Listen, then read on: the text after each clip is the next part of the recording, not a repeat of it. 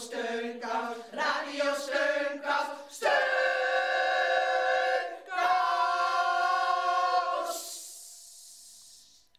Heel hartelijk welkom bij Radio Steunkous.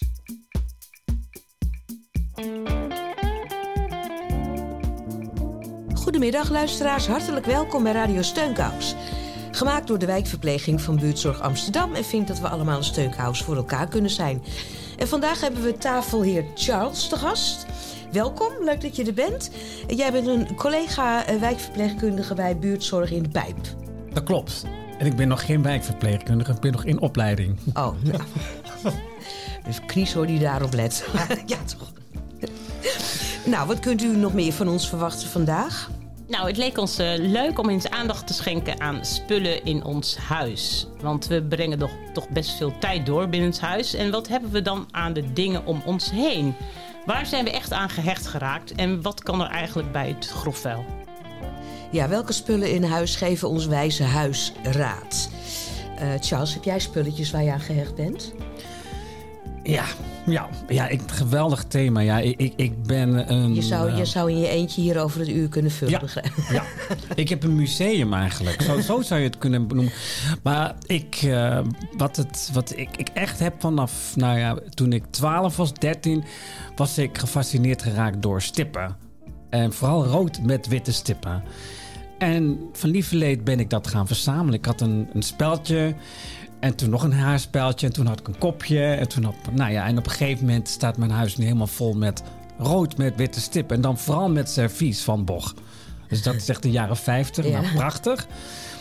En ehm, ja, dus dat, dat is echt mijn grote... Ja, dat is eigenlijk een grote, een grote tik of zo. Maar ik vind het wel heel erg leuk. Ik word er vrolijk van.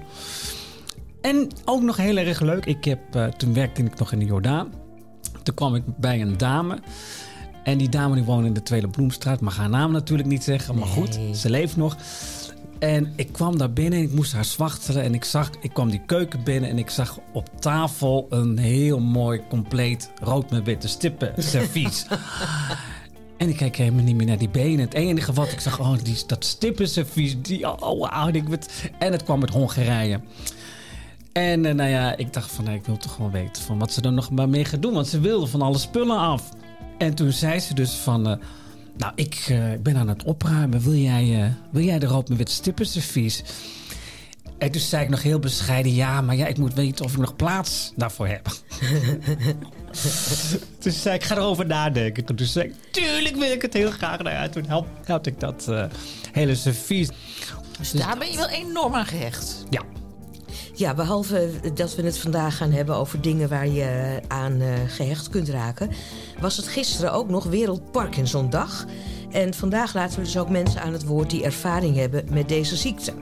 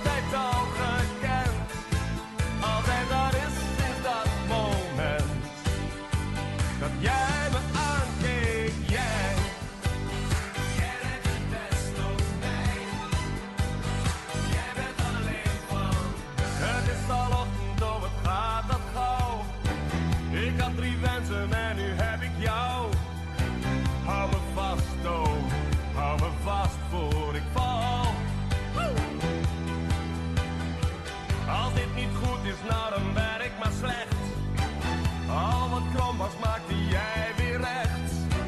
Hou me vast, oh, hou me vast.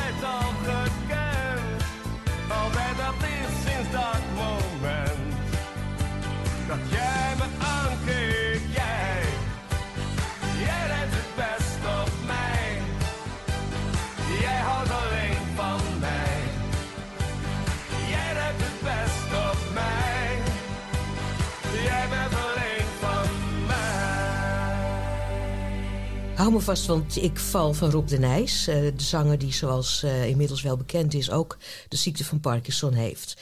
Het is een hersenziekte, zenuwziekte, waarbij cellen in de hersenen afsterven en bepaalde signalen niet meer worden doorgegeven.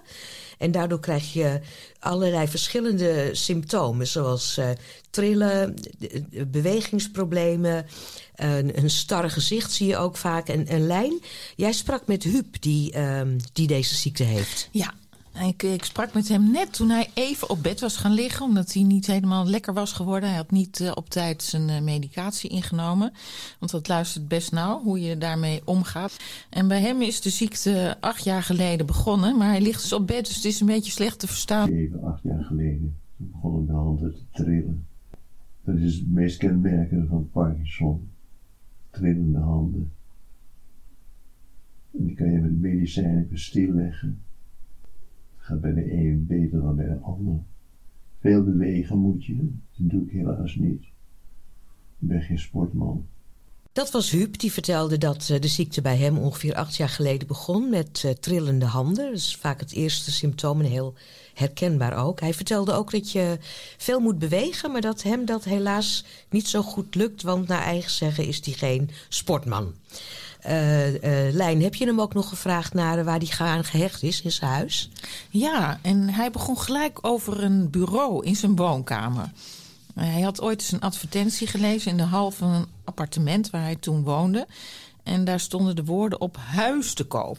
Nou, hij was wel geïntrigeerd, maar het bleek geen huis te zijn, het bleek een bureau te zijn. Van een zekere Leo, een oudere tandarts die naar een verzorgingshuis moest en geen ruimte meer had voor dat bureau. Hij raakte bevriend met Leo en hij heeft dat bureau overgenomen. Dat bureau, dat, dat kocht dus die Joodse meneer, een tandarts, kocht dat na de oorlog in een veilinghuis. En eh, dat, dat bureau, dat, dat was alles. Als die, hij, hij, hij gebruikte het als keuken, zeker nadat zijn vrouw overleden was. At hij aan dat bureau, hij, hij prepareerde zijn, eh, zijn medicijnen op dat bureau. Hij, zijn, zijn boeken stonden er op plankjes. Er lag nog een postzegel. Dat heb ik naar de hand gevonden van, eh, eh, hoe heet ze, Doris Day. En ja, dat, hij woonde aan dat bureau. Dat bureau was zijn huis ge- geworden. Want de, de, er zaten twee uittrekbare plankjes op.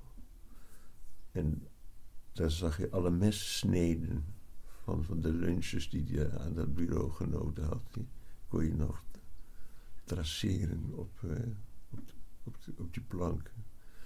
Het heeft ook nog geheime laadjes en zo.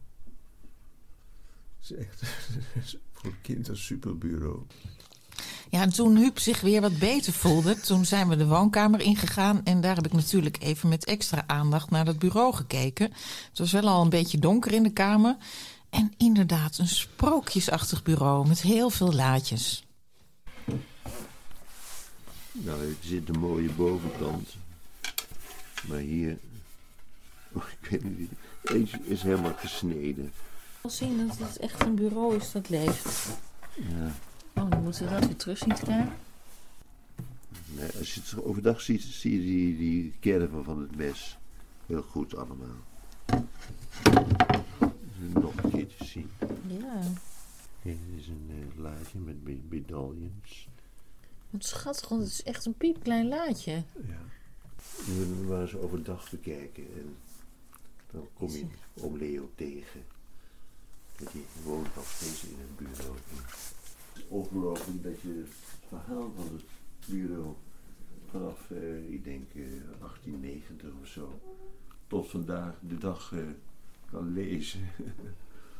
Een mooi voorbeeld van een ding waar je aan gehecht bent, omdat het een herinnering levend houdt. Helijn, en jij bent ook bij Vera geweest, hè, die al jaren Parkinson heeft. Ja, Vera is 89 en ze heeft al 20 jaar Parkinson. En ehm, ze voelde zich eigenlijk een beetje vreemd dat ze niets kon verzinnen waar ze aan gehecht is. Ze dacht dat ze in haar leven misschien nooit zoveel dingen heeft gehad om aan te hechten. Het is heel gek hoor, maar ik, wilde ook wel eens uitproberen of het leuk is om alleen te zijn. Ik was van mijn leven nog nooit alleen geweest. Dus ik, ik ben tien kinderen en ik was de oudste. Dus toen ik trouwde was mijn jongste zusje, die nog, was nog vier. Dus, en, en toen kreeg ik zelf kinderen en, en, en een man die ook nooit weg was. Dus ik, ik was nog, nog geen dag van mijn leven alleen geweest. En toen vroeg ik wel eens, eh, was het voor mijn verjaardag, om een, paar dagen in een huisje in, op de Veluwe in mijn eentje. Maar dat is nog maar nooit gelukt. Eigenlijk denk ik, 2003 is hij gestorven, dus zo lang geleden. Maar ik ben blij dat ik dit ook nog mee mogen maken. En dat ik best alleen kan leven. Maar ik, ik, heb, ik, ik, had, ik had niet zoveel dingen om aan te hechten, geloof ik. Zo vreemd is het misschien niet dat Vera niet echt aan spullen hecht. Want Gerda, die veel aan huis is gekluisterd en waar we komen om zondevoeding aan te sluiten, die heeft ook echt niet iets in huis waar ze aan gehecht is. Ik ben een huismus, ja. En vind je de spullen om je heen belangrijk? Uh, ik vind het heel fijn om dat te hebben, maar bepaalde waarden hecht ik er niet aan. Nee, absoluut niet. Nee, er is niks in je huis waarvan je denkt van, oh, Nee. daar ben ik echt heel erg aan gehecht. Nee, ik heb al een tijdje rond zitten kijken. Nee, echt niet. Nee. Nee. Ik vind het leuk, ik ben blij dat ik het heb. Ik heb het leuk ingericht, vind ik van mezelf. Maar ik hecht er geen waarde aan. Nee, absoluut niet. Vera die wist op de valreep trouwens nog wel iets te noemen waar ze aan gehecht is. Nee, op televisie. Ben ik aan verslaafd. Maar dan alleen s'avonds. Maar ik zou niet weten wat ik moest beginnen zonder dat ding. Want dan ben je nog een beetje bij de, bij de mensheid. Ik denk dat dat toch wel voor veel mensen geldt. Dat de tv best wel iets is waar ze aan gehecht eh, zijn. Eh, Charles, hoe zit dat met jou? Ik heb geen tv. Nou, makkelijk. Gauw klaar. Nee, ik heb 30 jaar eh, woon ik op mezelf. Ik heb nooit geen tv gehad. Nee. En Ja. Ik geef dat best wel veel rust. Ja, ik denk ook niet heel vaak dat je ook echt iets mist of zo. Nee. Als je ziet wat er een bagger af en toe eh, wordt uitgezonden. Ja. Nou ja, als je het hebt over ehm, oude spullen. Ik was laatst in de, daar bij het Kwakersplein, dicht bij de Kinkerstraat. Ja. En toen kwam ik zo'n heel leuk winkeltje binnen met allemaal oude meuk. En er stonden dus oude televisie, tv van Mies Bouwman.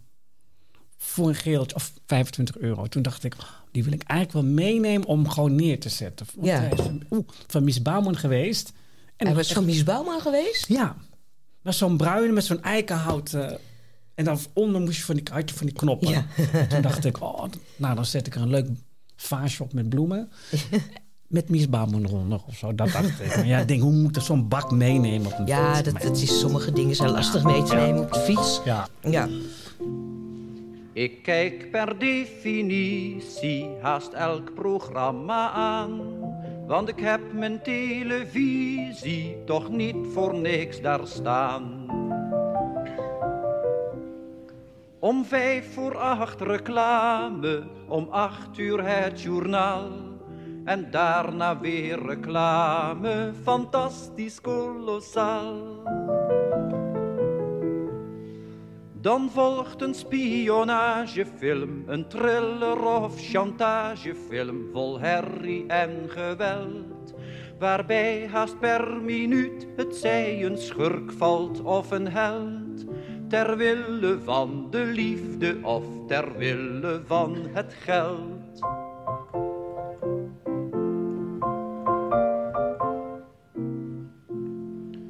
We zijn ontzettend veel thuis, mijn lief, wat wil je meer? Dan zitten bij de beeldbuis haast elke avond weer. De allerhoogste pieten van kunst en politiek, die krijg je op visite, compleet en met muziek. Dan volgt een complicatiefilm, een giller of sensatiefilm, maar nooit een vuile boel. Al valt er ieder ogenblik een dooie van zijn stoel. Dat werkt alleen maar prettig op ons afgestompt gevoel.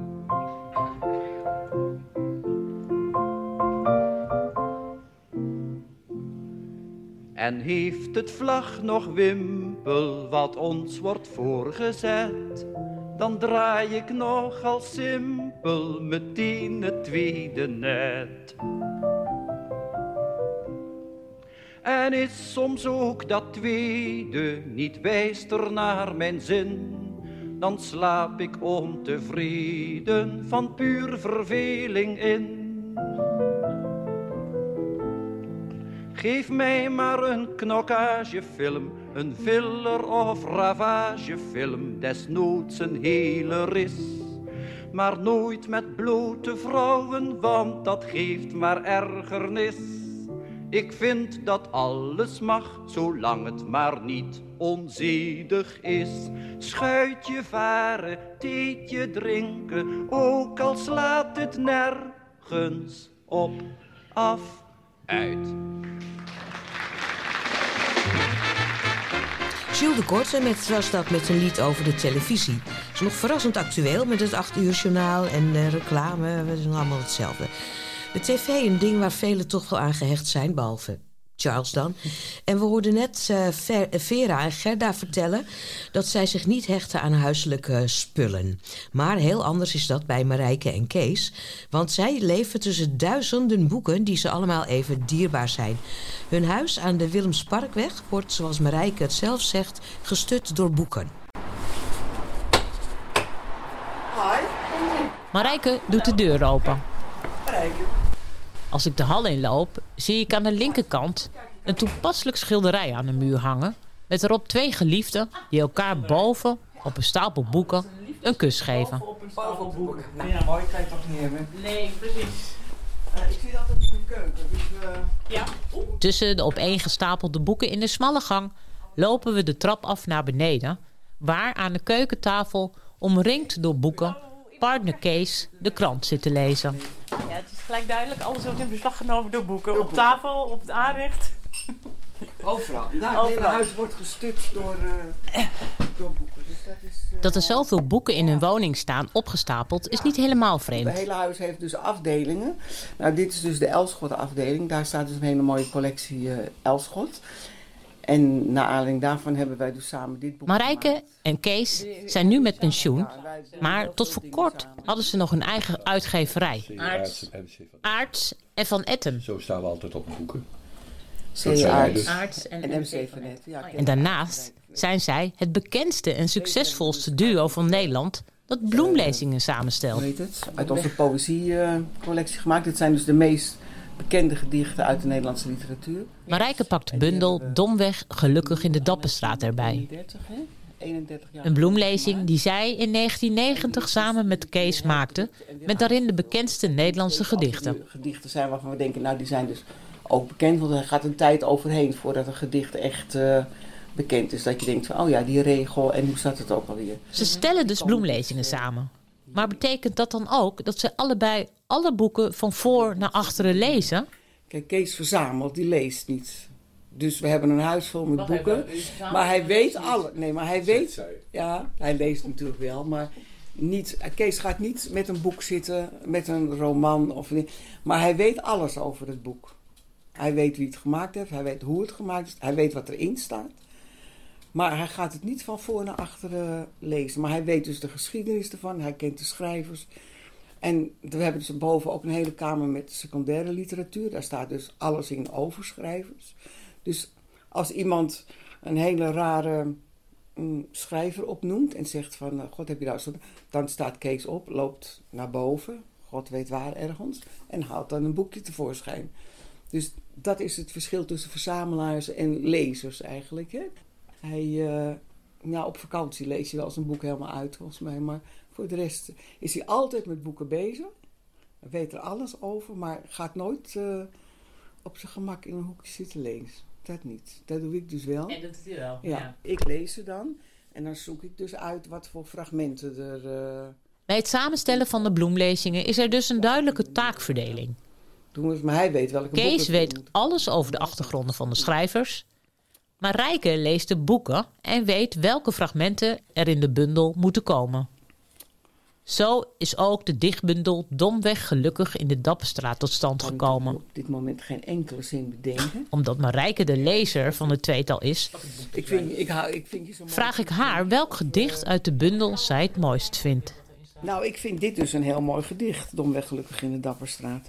En ik heb ook een heel mooi gedicht over het Joodse kind. Ze wacht iedere avond haar vader bij de trein. Dat vind ik dus ook, dat is dus in de oorlog geschreven. En dat... eh, ik draai een kleine revolutie af. Ik droomde dat ik langzaam leefde. Zou je deze één willen voorlezen? Zal ik de Dapperstraat voorlezen? Even kijken waar die staat hoor. Eh, bloem. November is ook wel leuk. Maar ehm, de Dapperstraat 212. Ik heb alleen geen stem, want ik ben verkouden. Natuur is voor tevredenen of legen. En dan, wat is natuur nog in dit land? Een stukje bos, de grootte van een krant, een heuvel met wat villaatjes ertegen. Geef mij de grauwe stedelijke wegen, die in kade vastgeklonken waterkant. De wolken, nooit zo schoon als ze omrand door zolderramen langs de lucht bewegen. Alles is veel voor wie niet veel verwacht. Het leven houdt zijn wonderen verborgen, tot het ze opeens toont in grote staat. Dat heb ik bij mezelf overdacht, verregend, op een miserige morgen, domweg gelukkig in de Dapperstraat. Nou, dat is toch heerlijk? Wat vind je zo mooi in dat gedicht? Ja, ik vind het. Het, het, het is het, gewoon het, dat hij niet al het mooie mooi vindt, maar dat hij dus mooie dingen ziet in eigenlijk dingen die toch een beetje treurig overkomen. Weet je, ja.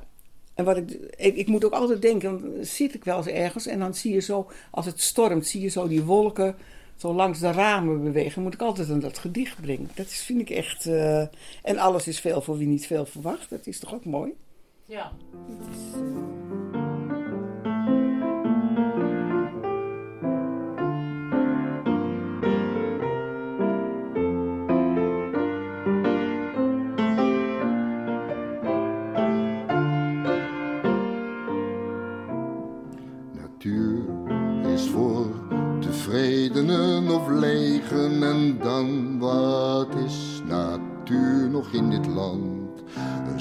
Stukje bos ter grootte van een krant.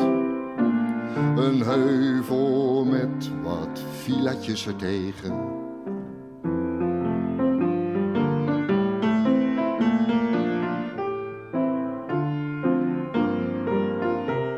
Geef mij de grauwe stedelijke wegen, in kaden vastgeklonken De wolken nooit zo schoon als omrand.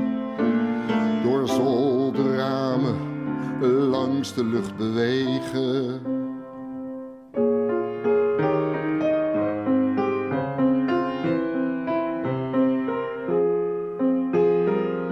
Alles is veel voor wie niet veel verwacht. Het leven houdt zijn wonderen verborgen. Opeens stoomt in een hoge staat.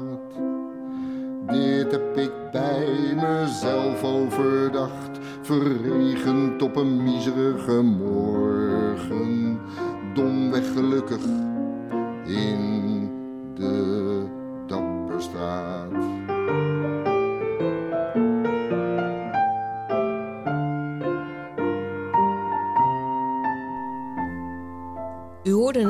eigentijdse vertolking van Domweg Gelukkig in de Dapperstraat door Ton Hoenderdos. Eh, Charles, zie jij eh, de, de schoonheid van de Dapperstraat ook? Of is er een andere plek in Amsterdam die jij lief is? Oeh, nou, er zijn zoveel plekken. Heel veel plekken, ja. Wat, wat, eh, maar de Dappermarkt, ik heb er gewoond, nummer 5. Boven de Ja. dieren speciaalzaak. En ik heb er echt heerlijk gewoond. En dat was in de jaren tachtig ook nog. En dat, ja, het was Amsterdam wel een beetje. Ja, ik vond het toen heel erg leuk. Want vanaf het Saap-Peterstraatje toen heel veel kraakpanden. Ik weet niet of je dat nog weet. Al die kraakpanden daar. En heel veel drugsgebruikers. Nou ja, kortom, Amsterdam was toen echt... Het was eh, toen echt wel een beetje een, rotzooi. een rotzooi. ja. Maar ik hield van die rotzooi. En nu is het, eh, wat mij betreft, allemaal een beetje te braaf. En, ik, en vroeger vond ik dat dan nog zo leuk. Al die paradijsvogels of zo door de stad heen. En, Ik, ik, vind dat, ik vind dat het ook een beetje te aangeharkt Ja, worden allemaal. absoluut. En Ja. ja, Ja. Het, het rafelrandje mag er toch wel aan zitten, maar... Ja. Ja, je ziet overal ineens geveltuintjes en gepoetst. Nee, ik vind het nee. ook... eh, ja, nou goed, het is een ander verhaal. Ja, misschien kunnen we van de Dapperstraat weer eh, even naar de Willemsparkweg gaan. Ja. Naar eh, Kees en Marijke, die daar tussen duizenden boeken leven. Anke was bij hen op bezoek en kreeg een inkijkje hoe het leven tussen al die boeken eruit ziet. Ja, want het gesprek dat ik tot dan toe had met hen was in de keuken, waar potten en pannen plaats hadden gemaakt voor boeken. Maar uiteraard was ik ook nieuwsgierig naar de rest van het huis. En eerst wilde ik nog van Marijke weten wat haar favoriete plek in de woning is om te lezen. Maar waar is jouw favoriete plek in huis om te lezen? Ik zit altijd hier. Aan de keukentafel. Ja, of boven in de, Dankjewel. in de erker. Dat, eh, ik heb dus op de eerste etage, daar zit die uitbouw. Dat is een erker. En als er dan, zo, vooral in zo'n deze tijd van het jaar, dan schijnt daar altijd, dus als hij schijnt, zit je daar dus heel lekker in het zonnetje. Dus dan heb ik twee stoelen staan en een tafeltje. En dan eh, ga ik daar. Dan kijk ik zo'n beetje uit over de Jons Parkweg. En ondertussen, dat is zijn eigenlijk. Maar ik zit het meest, ik werk ook het meeste hier in de keuken. En toen kwam de rondleiding? Ja, en toen kwam de rondleiding. Nou, dan krijg ik even een rondleiding door het huis. We staan op van de keukentafel. Marijke schuift een gordijn opzij dat achter de keuken hangt. En strips.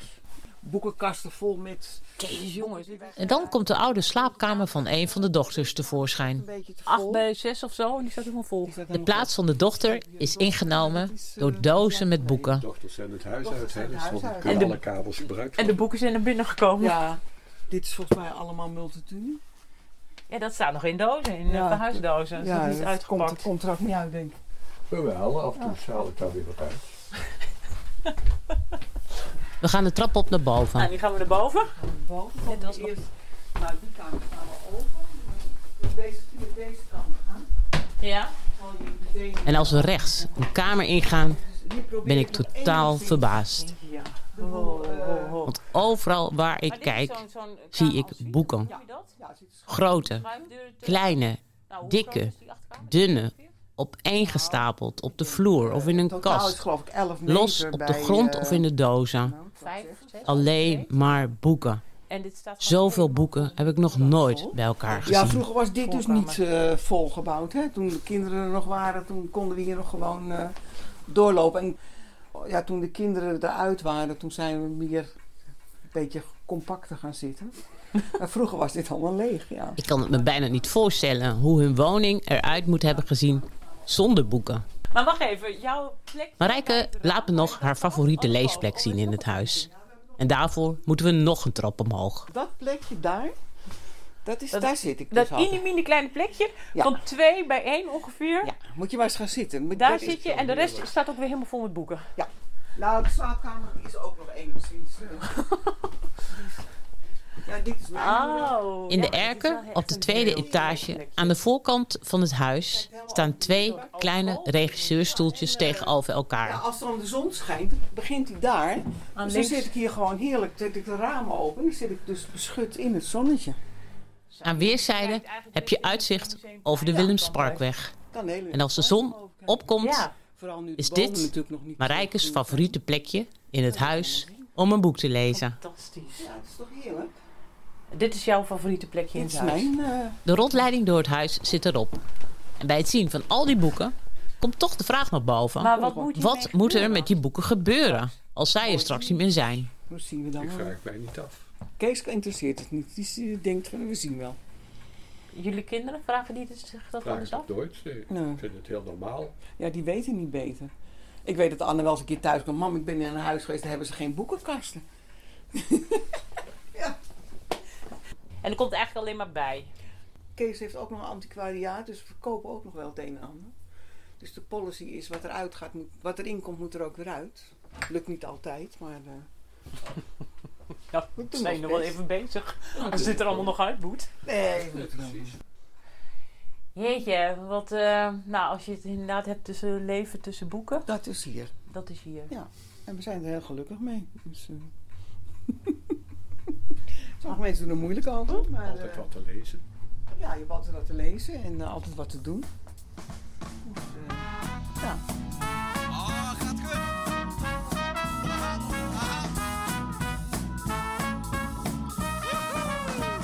Kijk, ik lees graag boeken. Mm, zakkenboeken zoeken. Ik hou van boeken. Boeken lezen is een feest. Fijne boeken, kleine boeken, grote boeken, dikke boeken, stinkerboeken, kinderboeken, vlinderboeken, blikken, flapjesboeken, hapjesboeken, verse boeken, hersenboeken. Boeken lezen is een feest. Ik schrijf graag boeken. Zakkenboeken zoeken. Een broek vol boeken. Boeken lezen is een feest. Wereldboeken, kerelsboeken, meisjesboeken, ijsjesboeken, kaartenboeken, snuisterboeken. Boeken lezen is een feest. Ah,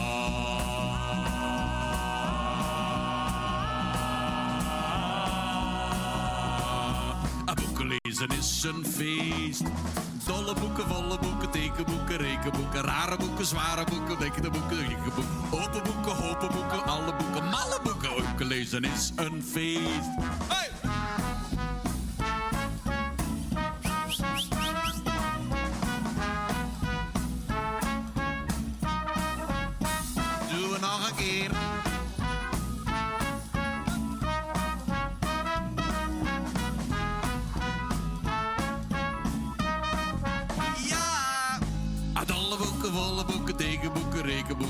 Boeken, zware boeken, lichte boeken, dichte boeken, open boeken, hopen boeken, malle boeken, alle boeken. Boeken lezen is een, boeken lezen is een, boeken lezen is een feest.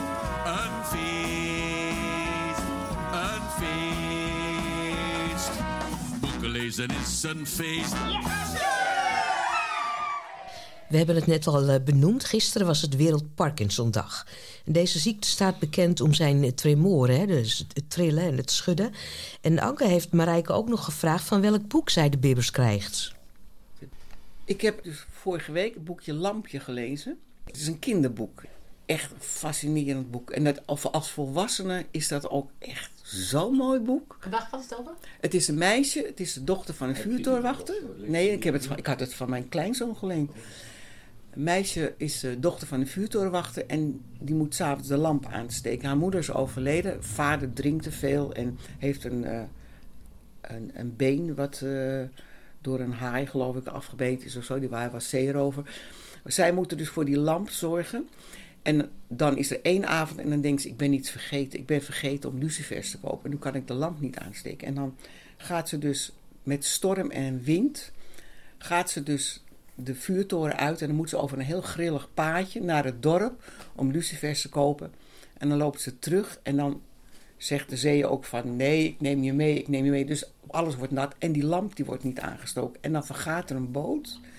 En dan moet zij als boetedoening die vader wordt opgesloten in de vuurtoren. Die mag er niet meer uit. Die krijgt eten door een luikje. En zij moet gaan werken bij een, eh, in, een huis waarvan ze denken dat het spookt. En dan krijg je een beetje een soort Jane Eyre-achtige versie. Want daar zit op zolder iets wat niemand eigenlijk... Maar, en zij komt er dan achter. Wat, ik zal je het niet verklappen, want dan is het niet meer leuk om te lezen.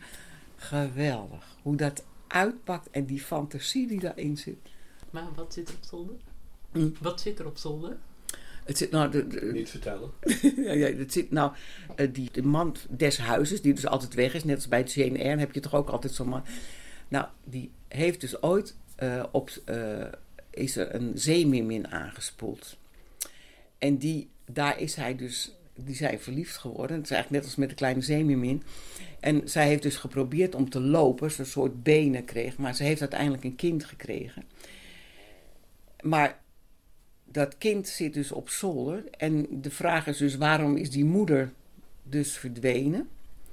Maar die moeder is op een gegeven moment uit het raam gesprongen. Maar die is geschrokken. Die heeft dat kind laten vallen. Dus die moeder is in de zee verdwenen. Maar dat kind is daar gebleven. En Lampje, die gaat naar de kermis met geld wat ze gespaard heeft. En op die kermis is een rariteitenkabinet. En daar zit dus een vrouw met een baard. En, eh, en daar zit in een groot bassin zit een zeemeermin. En ze kijkt die zeemeermin in de ogen en dan ziet ze dezelfde ogen als van dat jongetje. Maar die zeemeermin is dus een tante van hem. En daardoor weet ze dus dat hij ook een moeder heeft. En dat jongetje, dat zit daar op zolder en die moet van die vader leren lopen. Maar die heeft dus ook eigenlijk vissen, staart, benen. En dan heeft ze van iemand gehoord hoe, hoe ze uit die torenkamer moet komen. Er zijn vier ramen, maar één raam is dicht. En dan doen ze dat raam open. En het blijkt dus een uitgang te zijn naar de zee. Dus ze zet het raam open en die jongen schiet het raam uit en de zee in. Zij is ook uit het raam gevallen. Zij moet dus echt met moeite kan ze zich... Uh, en het jongetje redt haar dan. Nou, geweldig.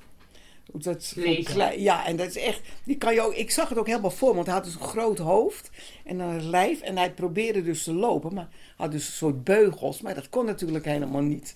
Maar die vader wilde dus dat hij zou lopen, maar dat kon hij dus niet, want hij is gewoon een zeemeerman eigenlijk. Ja, wel grappig dat, uh, dat Marijke nou juist van een kinderboek de, de bibbers krijgt. Ja, uh, helemaal lollig dat zij dus dat boek van haar kleinzoon had geleend. En het boek heet trouwens Lampje en het is geschreven door Annette Schaap. Charles, heb jij ook wel uh, mensen met Parkinson verpleegd? Heb je daar ervaring mee? Ja, ik heb er wel uh, veel ervaring mee. En laatst had ik dat nog. En uh, toen had ik een avonddienst.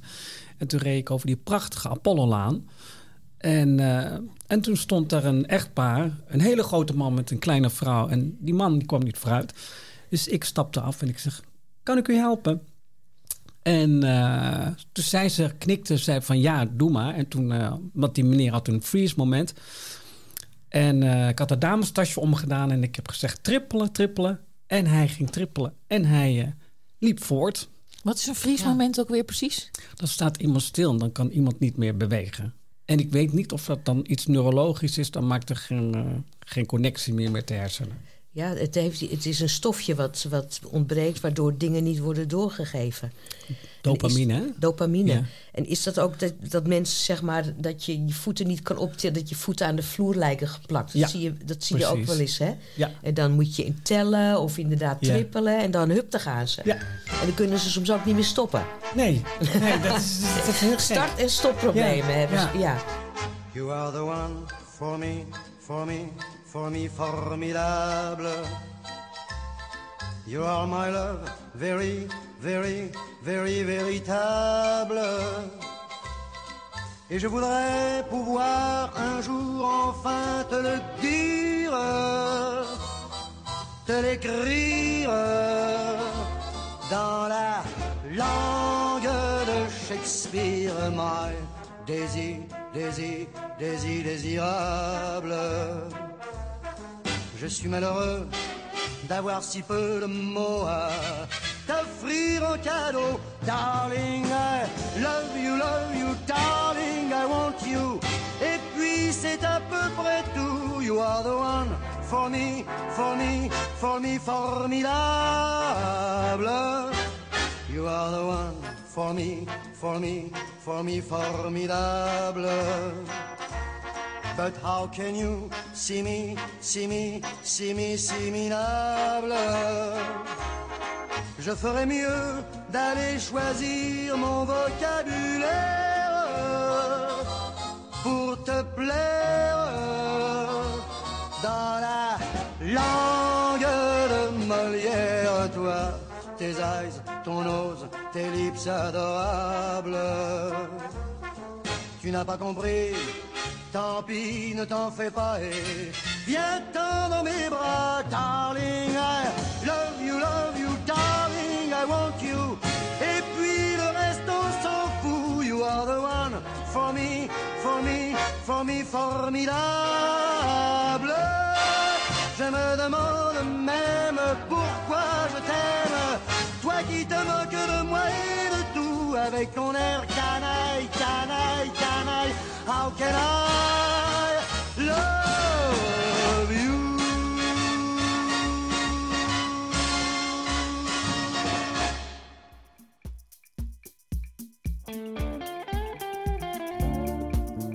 Nou, we zijn alweer aan het einde eh, zo'n beetje van de show aangekomen. Charles, nou hartstikke gezellig dat je er was. En eh, volgende week ehm, hebben we het over verzamelen. Dat kunnen boeken zijn, dat kan rood servies met witte stip zijn, dat kan van alles en nog wat zijn. Nou, verzamelt u ook iets? Belt u ons dan. Uh, Lijn, jij weet het nummer uit je 06 hoofd. 125 64 Pak een pen. Ik wacht even. Ja, schrijf het op. 06 125 64 364. Oké, dat was hem. Uh, we, zijn, uh, we wachten vol spanning op uw berichten. Tot volgende week. Tot Steunkous.